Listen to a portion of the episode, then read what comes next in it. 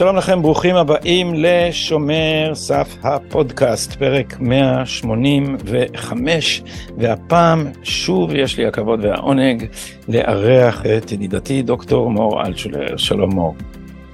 שלום גדי, ערב טוב, ש- שבוע טוב. שבוע טוב, אנחנו מקליטים.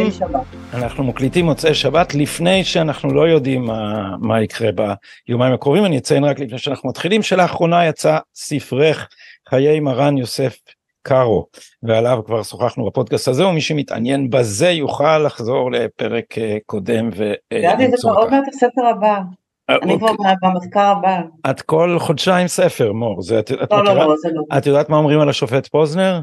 שכשמתקשרים אליו אשתו מרימה את הטלפון ואומרת רק רגע הוא כותב ספר הוא מיד מסיים תישאר על הקו.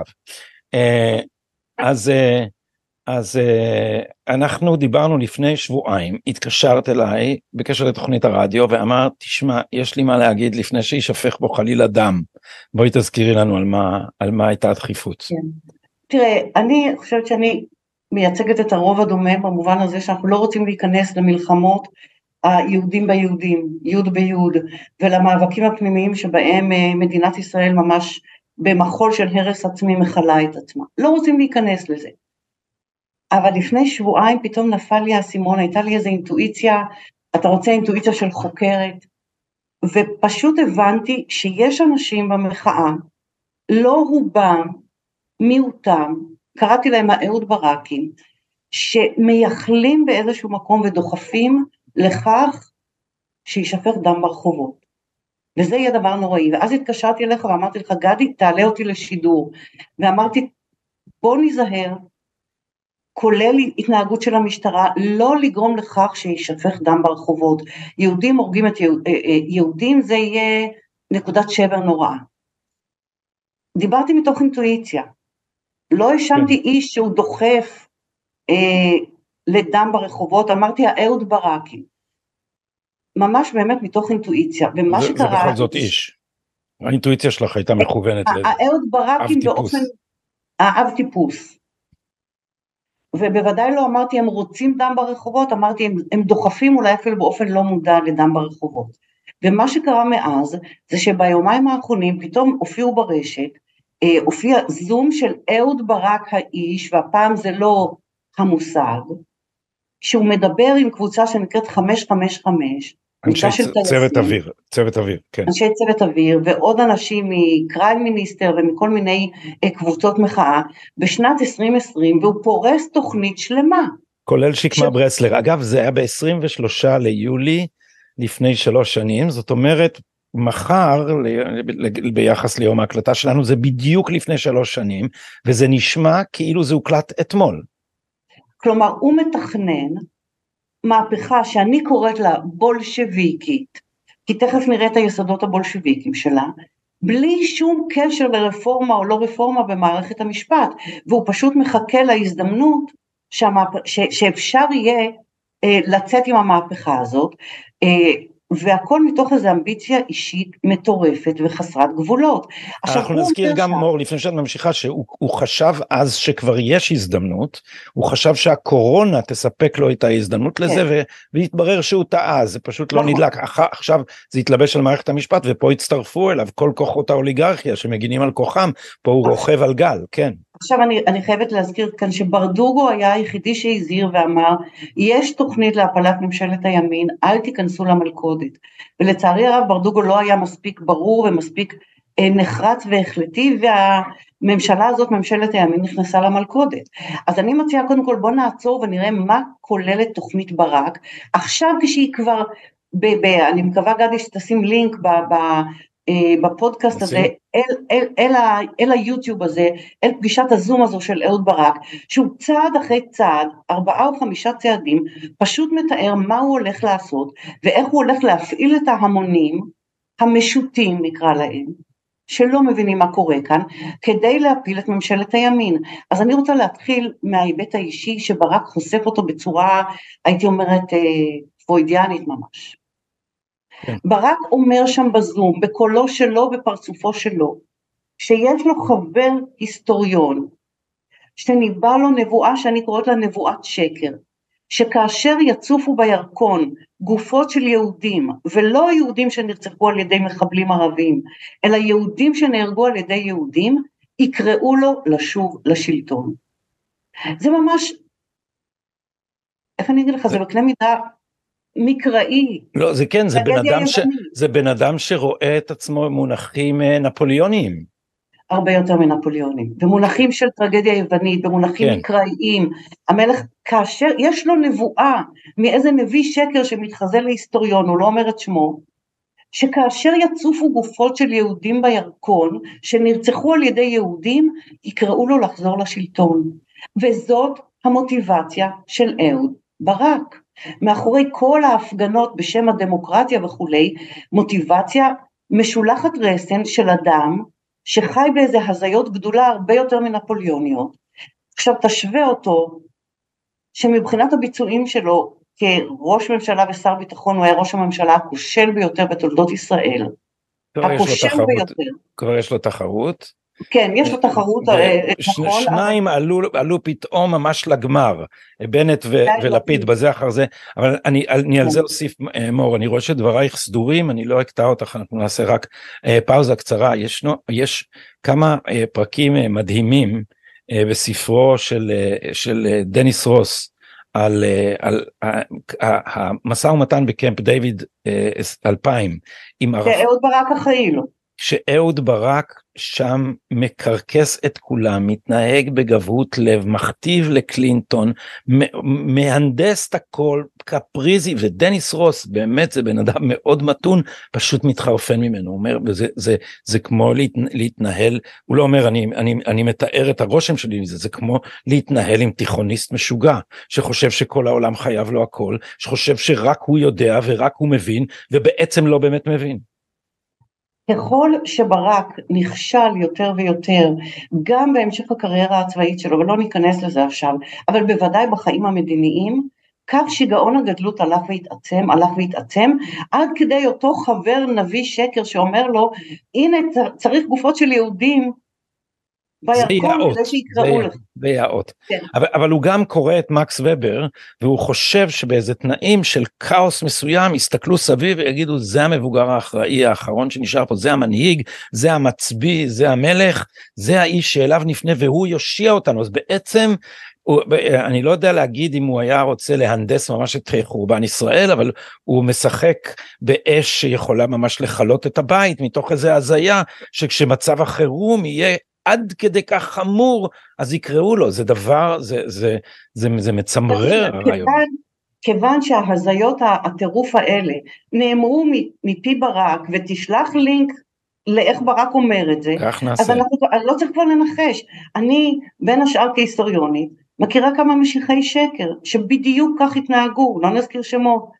זה משיח שקר שמתבסס על נבואת שקר שיש בה תמיד היבט של חורבן וקטסטרופה, ואז עולה ממעמקים, אולי איזה דמות דמונית כזאת, והיא כביכול תוליך את העם לגאולה. עכשיו, אתה מזכיר את מקס וובר, טוב ויפה, אבל התוכנית של ברק היא לא מקס ווברית, היא בבסיסה, היא בבסיסה בולשביקית. בוא לא נשכח, האיש הוא בולשביק בהשכלתו, בהכשרתו, גדל בקיבוץ, אה, יש לי קרובים בקיבוץ, אני, יש לי נכדים בקיבוץ, אני מאוד אוהבת את הקיבוצניקים, המחשבה הבולשביקית נשארת שם במעמקים. וכתוכנית בולשביקית עד עכשיו הולך לו לא רע. אז אני מציעה קודם כל שאנחנו כאנשי ימין נעצור, נכיר את התוכנית ונראה איך מסכלים אותה. כי אם יש טעות פטאלית של הימין, זה בזה שלא עוצרים, לא לומדים את התוכנית, לא מכירים אותה, ולכן אנחנו כל הזמן מגיבים. את חושבת, את חושבת שצריך לעצור את חקיקת הרפורמה? אני חושבת שקודם כל הלילה לשבת וללמוד את תוכנית ברק. קודם כל לשבת וללמוד את תוכנית ברק, קודם כל ללמוד דרך הראש, קודם כל להפנים ולדבר בצורה רציונלית ושקולה איך אפשר לסכל את התוכנית הזאת. אני, אני אומר רק הערת ביניים, זה הבמה שלך, אבל זה, אני המארח פה ואני שמתי את דעתי באופן מאוד נחרץ על השולחן, אין בשום אופן להיכנע לסרבנים בעיניי, כרגע האיש הוא, זה לא רק אהוד ברק, כרגע האיש הוא זה האם ימשלו בישראל חבורת קצינים אליטיסטית. והתשובה היא שאסור לעשות את זה. אני הולכת לדבר על כך, עוד מילה אחת, בבקשה. דוקטור אבינועם ברוג, שמו, ברוג, ברוג. כן, כן, אה, הפיצו וואטסאפ, שתסלח לי, כן, אני, תרשה לי רגע לקרוא, אתה שלחת לי את הוואטסאפ הזה, אני הייתי ב- קצת בזעזוע, מתאים לי להיות מזועזעת כל פעם מחדש, אבל הוא שולח וואטסאפ לפני הבחירות והוא אומר דבר נוראי, אני אגיד לך אה, מה כתוב כאן בוואטסאפ של דוקטור אבינועם ברוג, ואתה תגיד לי מה זה מזכיר לך. מחקרים מראים ש fake news שזוכים להרבה יותר שיתופים מאשר ידיעות אמת, אל תחשוש לפרסם או להפיץ ידיעות שקריות על הצד השני.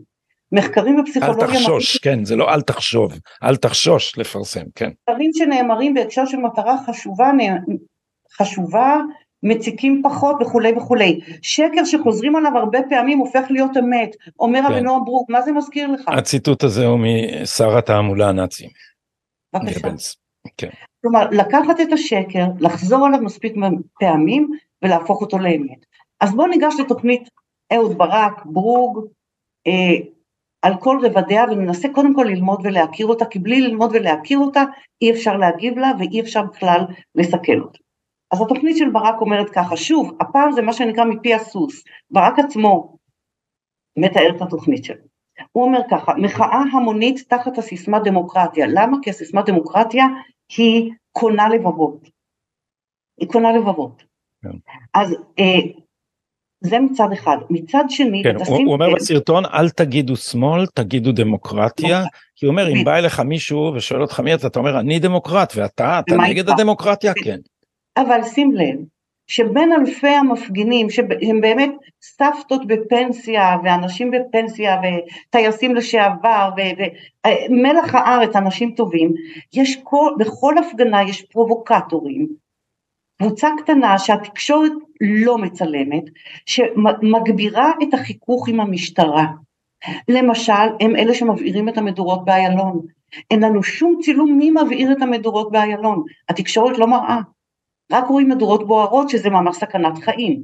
למשל, חוסמים את הכבישים בבלוקים, בסלעים, באבנים, כדי שהסוסים אה, אה, של הפר, הפרשים של המשטרה אה, ינגפו שם ויפלו. מגבירים את החיכוך עם המשטרה שוב, אף כלי תקשורת לא מצלם את אלה, את הפרובוקטורים, את המתסיסים, בשיטה הבולשביקית הידועה, שהם נועדו למטרה אחת בלבד, קבוצות של אנשים צעירים, שנועדו למטרה אחת בלבד, להגביר את החיכוך בין המשטרה לבין המפגינים, וחס וחלילה לגרום לשפך דם. כן. כדי שיצופו גופות של יהודים בירקון, והנבואה של נביא השקר תתממש, ויביאו את משיח, משיח השקר אהוד ברק לשלטון. זה, זה מוטרף, אבל זה ככה. וזאת שיטה בולשביקית, המתסיסים, האגיטטורים, הפרובוקטורים, שנכנסים לתוך הקהל, והתפקיד שלהם הוא למשוך את המחאה לכיוונים אלימים, כדי ליצור, ואני קראתי לזה, קדושים מעונים, כי ברק, לפי מיטב השיטה הבולשביקית, יודע שכל מהפכה זקוקה לקדושים מעונים.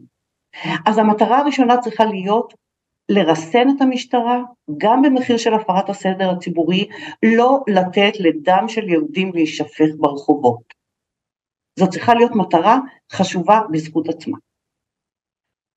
השלב השני, אוקיי, אז זה, זה, זה עניין מחאת ההמונים, שכל הזמן חוזרים על כך שהיא ספונטנית והיא לא ספונטנית, והיא מאורגנת, ו- ויש בתוכה מתסיסים שתפקידם להגביר את החיכוך עם המשטרה, ולא אכפת להם שזה יהיה בסוף דם של איזה סבתא שבאה עם דגל או, או, או, או משהו כזה. לא להגיע לשם, בשום פנים ואופן. אוקיי, בוא נראה. כן. מטרה השנייה, מרד בצבא. עכשיו תסתכל, לאורך כל ההיסטוריה, כאשר יש מרד או סרבנות בצבא, זה תמיד בא מיחידות עילית, יחידות שמשקלן הוא הרבה יותר מעבר למספר שלהן בצבא, מפני שיחידות עילית יש להן נגישות לתקשורת, יש להן מודעות, יש להן כוח, אז ככל שיותר יחידות עילית מסרבות, ככה האפקט הציבורי הוא גדול יותר, הוא, הוא מרשים יותר, הוא, הוא אפקטיבי יותר. כן. התוצאה היא תוצאה עגומה, ושוב, יש כאן אנשים טובים, ליבי לטייסים האלה. מישהו משתמש בהם בצורה מניפולטיבית, ולמישהו הזה קוראים אהוד ברק, בצורה מניפולטיבית ומשכנע אותם שקץ הדמוקרטיה הגיע. זה מדהים, זה מדהים שהוא, זה מדהים שכבר השיחה הזאת, השיחה הזאת ב-2020, ביולי לפני שלוש שנים, הייתה שיחה עם טייסים וכבר אז הוא הסביר את זה שזה שהוא שיבח אותם על זה שהם מתערבים בפוליטיקה ואמר שהם צריכים לעשות את זה שנית וזה האליטה המשרתת שצריכה לעשות את זה כן? המשרתת באמת הוא אמר. כן אז תראה אז אנחנו מסתכלים לא נעים לי אה, קצת על האנלוגיה הזאת אבל אנחנו הסתכלנו לפני חודש חודשיים וראינו איך כוח וגנר בעצם מורד ברוסיה בפוטין ולא הבנו כן. שאנחנו בתוך ניסיון, ניסיון להמריד בסוף את הצבא. ולצערי הרב, טייסים שהם מלח הארץ, אין לי, אין לה מילים טובות אליהם, נופלים בפח הזה, כי הדמגוג הזה, אהוד ברק, הוא חתיכת דמגוג, הוא דמגוג ברמות על, והוא יודע איך להפעיל את הדמגוגיה. והוא מפעיל אנשים כמו לשעברים, נדב ארגמן וכל מיני לשעברים אחרים, בתוך איזה מין רשת כזאתי של הלשעבר. שאתה תוהה איזה רמה נמוכה לשעברים האלה יש להם שהם לא מבינים מה זה בעצם ריבונות עזבי שהם לא מבינים מה זה ארגון היררכי שצריך לפקד עליו איך הם פיקדו על ארגון בישראל איך האנשים האלה יצאו מי מחנך את, ה, אה, את אנשי מערכות האכיפה והביטחון שלנו שיוצאים לנו כאלה גנרלים אחד אחרי השני אה, אה, יאיר גולן והגאון הממלמל מר בני גנץ ועכשיו ההרצי הלוי הזה ש, ש, שיש לו מרד בצבא ומה שיש לו להגיד עליו זה, לא... זה, זה, זה כאילו הוא כתב? תשמע, תשמע, אה, לא אגיד מילה רעה על הרצי הלוי, הוא נקלע כאן שלא בטובתו, בין הפטיש והסדן הוא צריך לנווט, ויש לו צבא לנהל ולתחזק ולחזק, וצריך להפך, לחזק את הרמטכ"ל ולהגיד לו, אתה הרמטכ"ל, אתה יודע מתי לשים קווים אדומים, אתה גם יודע מתי להעלים עין, אני מדברת על אני לא, אני לא שותף לדעה הזאת כלל, כן, אז, אבל בואי לא נתווכח על זה. כן. ככה אני חושבת, יש לנו רמטכ"ל, רמטכ"ל שנבחר על ידי הממשלה. ובגלל שלא קיבלו את זה כשזה היה קטן, הוא וגלנט שהלך לדבר עם הטייסים של טייסת 69, בגלל זה יש לנו את המצב הזה עכשיו.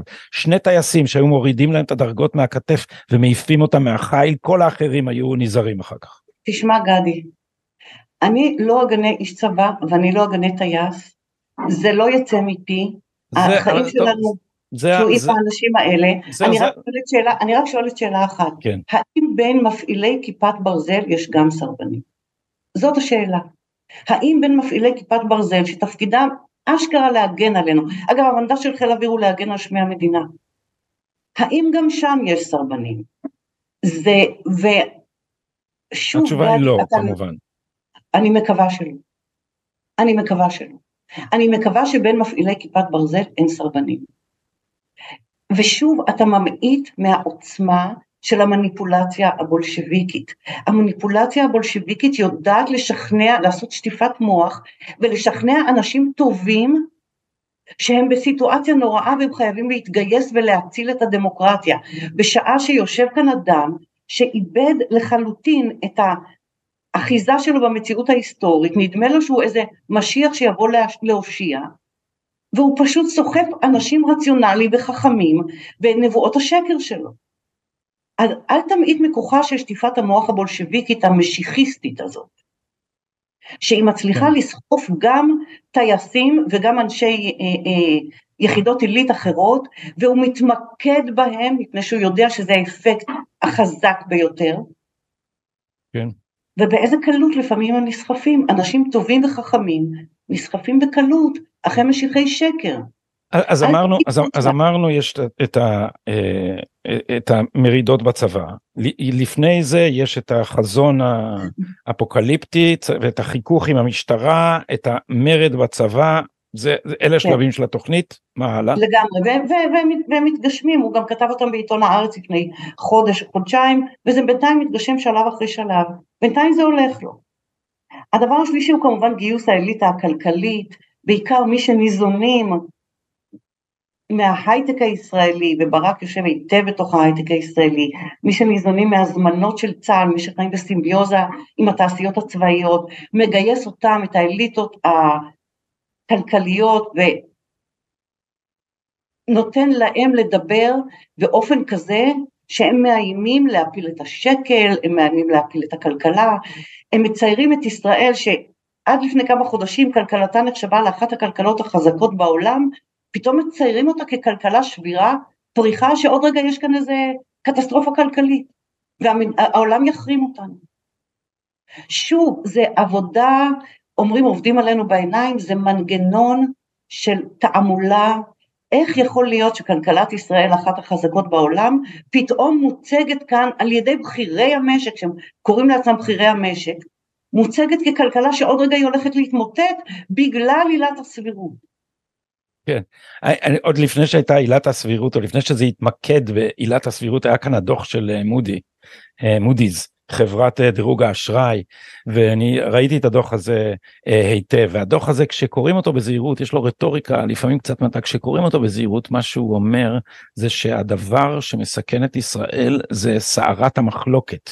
כלומר מה שמסכן את ישראל זה בכלל לא הרפורמה, מה שמסכן את ישראל זה המרד הזה המטורף של הפרת חוקים נגד הרפורמה, שיוצר אי ודאות, ובין השורות אפשר לקרוא אצל מודי'ס שהם בכלל לא טיפשים, קודם כל הם לא הורידו את דירוג האשראי שלנו, נתחיל מזה, כן. הם, הם מיתנו קצת את האופטימיות שלהם לגבי התחזית מעולה ליציב, זה כל ההבדל, אבל, אבל הם אמרו שם בפירוש שבמבנה השלטון הישראלי יש חוסר איזון בגלל שיש רשות שופטת חזקה מדי, יש רשות שופטת שחולשת על כל ה...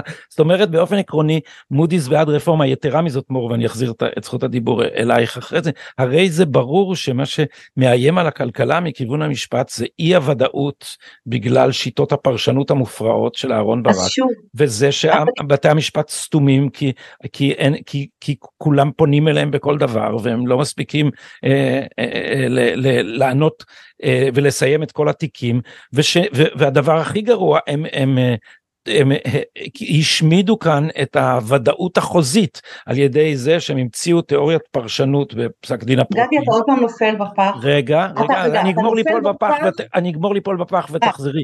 אז החלק האחרון של הנפילה בפח הוא שהם גם כמעט ביטלו את, את מתווה הגז, מה שגורם למשקיעים זרים לחשוב שאחרי שחותמים חוזים עם ממשלת ישראל יכול לבוא בית המשפט ולבטל אותו.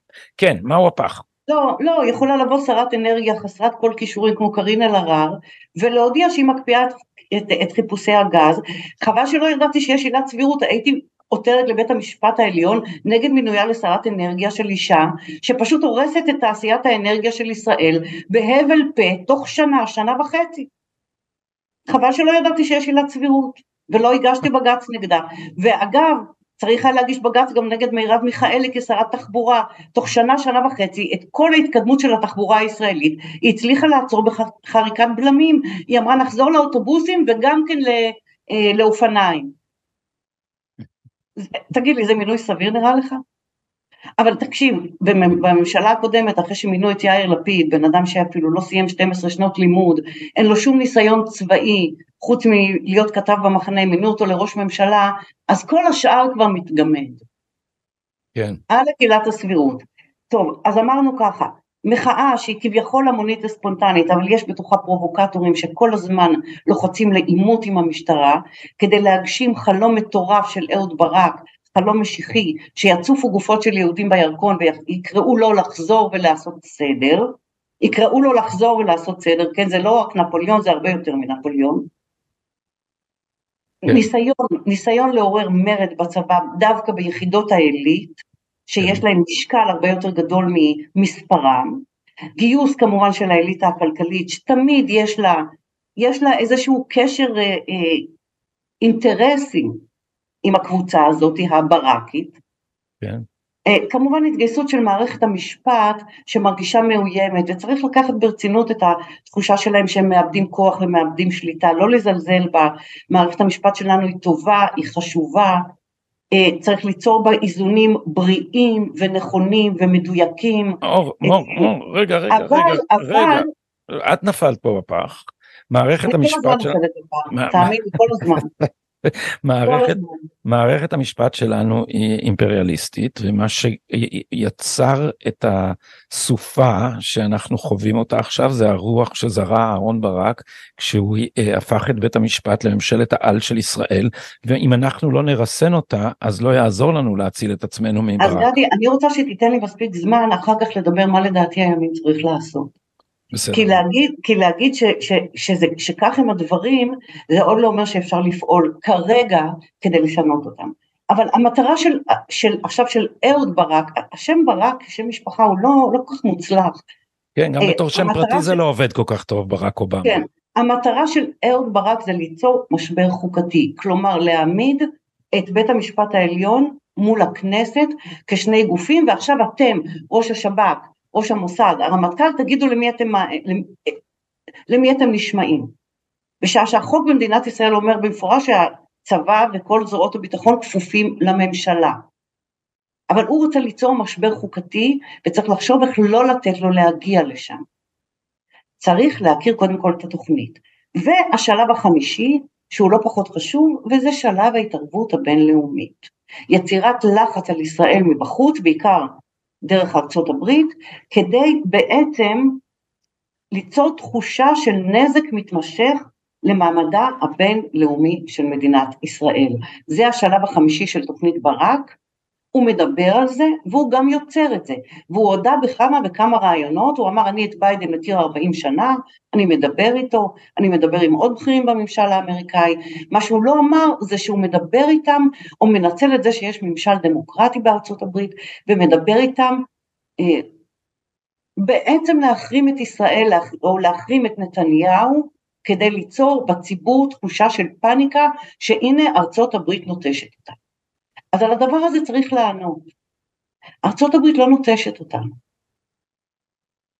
כן. היא לא נוטשת אותנו, והיא לא נוטשת אותנו אם האמריקאים צריך לראות לא מה הם אומרים, אלא מה הם עושים.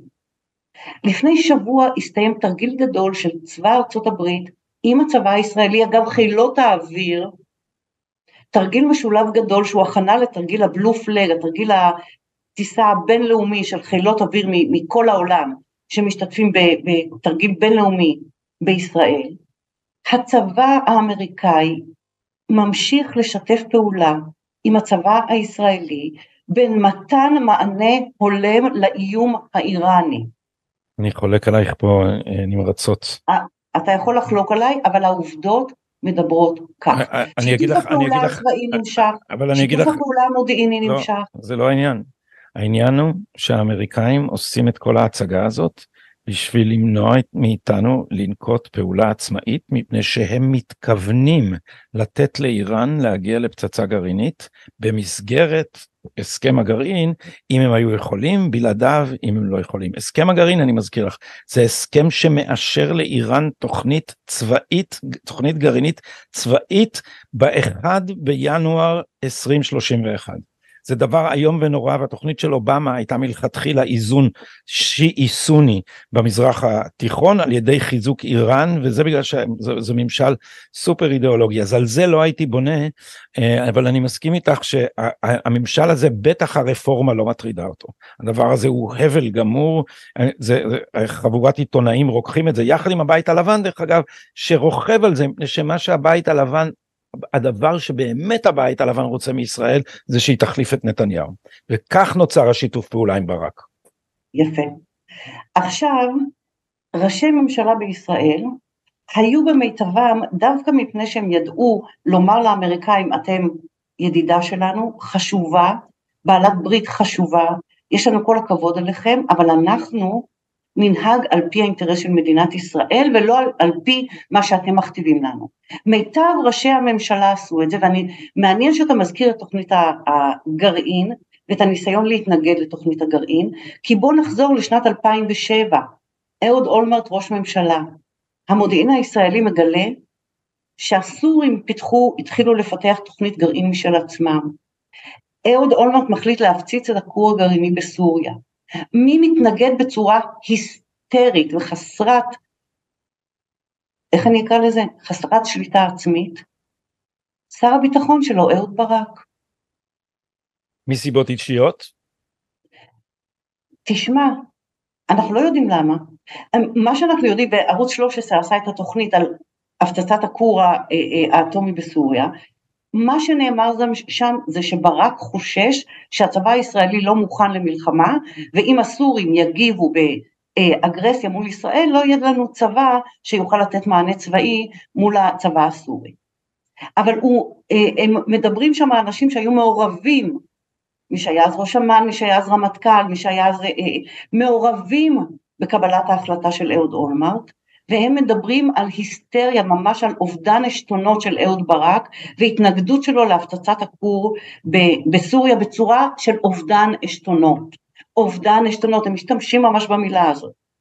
כן.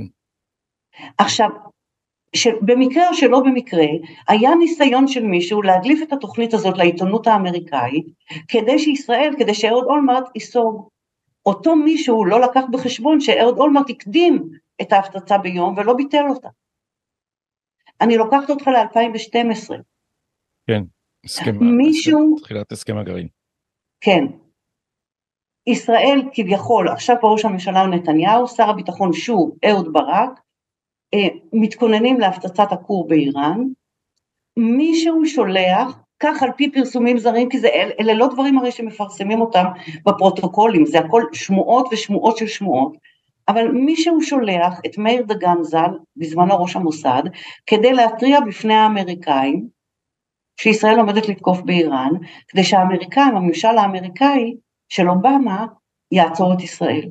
זאת אומרת את טוענת כי יש טענה שאומרת שדווקא אהוד ברק ונתניהו באותה תקופה רצו או לתקוף באיראן או להעמיד פנים שהם הולכים לתקוף באיראן כדי להפעיל לחץ על אובמה ומי שבלם אותם היו גבי אשכנזי יריב מר של אהוד ברק יחד עם מאיר דגן ואולי שמעון פרס בתיאום עם האמריקאים. את אומרת שאהוד ברק היה חלק מהדבר הזה? אני לא אומרת, אני רק אומרת שללכת מאחורי הגב לדבר עם האמריקאים כדי שהם יעשו, ילחצו על ממשלת ישראל לכיוון הפוליטי שברק רוצה שילחצו, זאת שיטת אהוד ברק, זה מה שאני אומרת. אני אומרת שיש דברים שאנחנו לא נדע, כי איש מהמעורבים לא ידבר, זה סודות הכי כמוסים של מדינת ישראל. אה, נתניהו בוודאי לא ידבר, ברק בוודאי לא ייתן מידע, ואם הוא ייתן מידע, אני מטילה ספק באמינותו. אנשים אחרים לא ידברו. אולי בעוד חמישים שנה יפתחו ארכיונים ויגלו מי בעצם מי בעצם אה, חיבל בתוכנית הישראלית לתקוף את הגרעין באיראן כשעוד היה אפשר. יואו. זה כן. עצוב. זה, זה עצוב מפני, ש, מפני שמדובר כאן, תוכנית אהוד ברק זו תוכנית של אדם שהוא כישלון, איך אני אגיד את זה, אני לא אדבר על העבר הצבאי שלו, לא מבינה בענייני צבא, אבל כמדינאי, כפוליטיקאי, הוא כישלון מהדהד. ואיך האיש הזה מצליח בדרכים בולשביקיות וערמומיות להסיט כאן קבוצה שלמה שהיא קבוצה של אנשים טובים, זה העם שלי, זה אנשים טובים, אבל הוא מצליח לשטוף להם את המוח, בלי שהם מבינים בעצם לאן הוא חותר. בלי שהם מבינים שהוא חותר להפיכה בולשביקית, שבסופו של דבר תחסל גם אותם, כי הבולשביקים לא יודעים, הם לא יודעים לעצור. זו המהפכה שמחסלת את בניה. היא תחסל גם אותם, אבל בינתיים הוא משתמש בהם ושולח אותם לרחובות, והם לא מבינים מי מניע אותם מאחורה וגורם להם לכל הדברים האלה. איזה צורת משטר לדעתך? כן. הנזק שהוא גורם להם ולנו ולמדינת ישראל ולדימוי של צה"ל ולדימוי של חיל אוויר שהוא אחד החילות החשובים וה... איך אני אגיד, באמת של מיטב האנשים, הוא לא אכפת לו איזה נזק הוא גורם, כל זמן שזה יקדם את התוכנית שלו לחזור להנהגת המדינה. ולעשות את, את, אותן, את אותם כישלונות שהוא עשה בתור ראש ממשלה ושר ביטחון, להכפיל ולשכפל שוב ושוב. אז תשמעי, אני, אני, אתן לך, אני, אני אתן לך חתיכת רכילות מעניינת. Uh, מכר שלי אמר לי שהוא היה טס איתו uh, לא פעם במחלקה ראשונה לארצות הברית, היה לי מכר איש עסקים שהיה טס הרבה, uh, ולא פעם הוא היה יושב שם עם אהוד ברק, ואהוד ברק אמר לו, תשמע, בשביל להשתלט על כיסא ראש הממשלה בישראל צריך 30 מיליון דולר. לא זוכר אם זה היה 30 מיליון דולר או 30 מיליון שקל. אמר לי החבר שלו, אתה לא חושב שצריך מצביעים? אולי גם. זה לא היה העניין בעיניו. אז, אז האם הוא בכלל מדמיין שיטת, אז הנה אנחנו רואים למה צריך את הכסף. אה, האם לדעתך הוא, הוא אה, אה, מדמיין שהוא כובש את כיסא ראש הממשלה בדמוקרטיה או שהוא בולשביק עד כדי כך שהוא אשכרה חושב שאפשר לייסד פה דיקטטורה? אה, תשמע, ברק הוא מתוחכם, חושד מתוחכם. אני לא חושבת שמזיז לו בכלל איזה משטר בפועל הוא ייצור. הוא רוצה את הטייטל ראש ממשלה. תראה, מה שמניע אותו זה קנאות אישית. את הכוח, את הכוח, לא רק את הטייטל. מה שמניע אותו זה קנאה אישית. כי תשמע, ההיסטוריה התחרבנה לו, התבלבלה לו. הוא היה המיועד, הוא היה הגאון, הוא היה ילד הפלא, הוא זה שצריך היה להיות ראש ממשלה לנצח. אז תראה, ביבי עקף, נתניהו עקף אותו, אולמרט עקף אותו, כולו רב סרן בצבא עקף אותו, והיה ראש ממשלה לא רע. כן, אייזנקוט עקף אותו, גנץ עקף אותו, יאיר לפיד שהיה כתב במחנה עקף אותו. ההיסטוריה לא פועלת נכון, אומר אהוד ברק.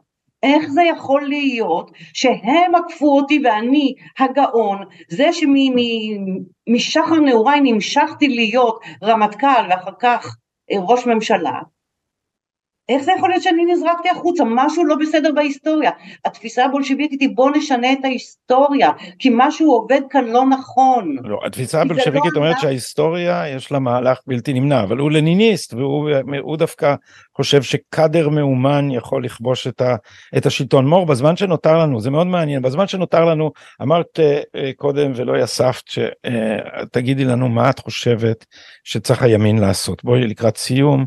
אה, נפרוס את תוכניתך בעניין הזה. תשמע, אז, אז אני רוצה להגיד באופן גלוי, שכשיריב לוין הציג את הרפורמה הזאת, אני חשבתי שזה מהלך שגוי. Mm-hmm. אני חושבת שלממשלת הימין הזאת יש משימות שהן הרבה יותר חשובות, ואני אומר מהן.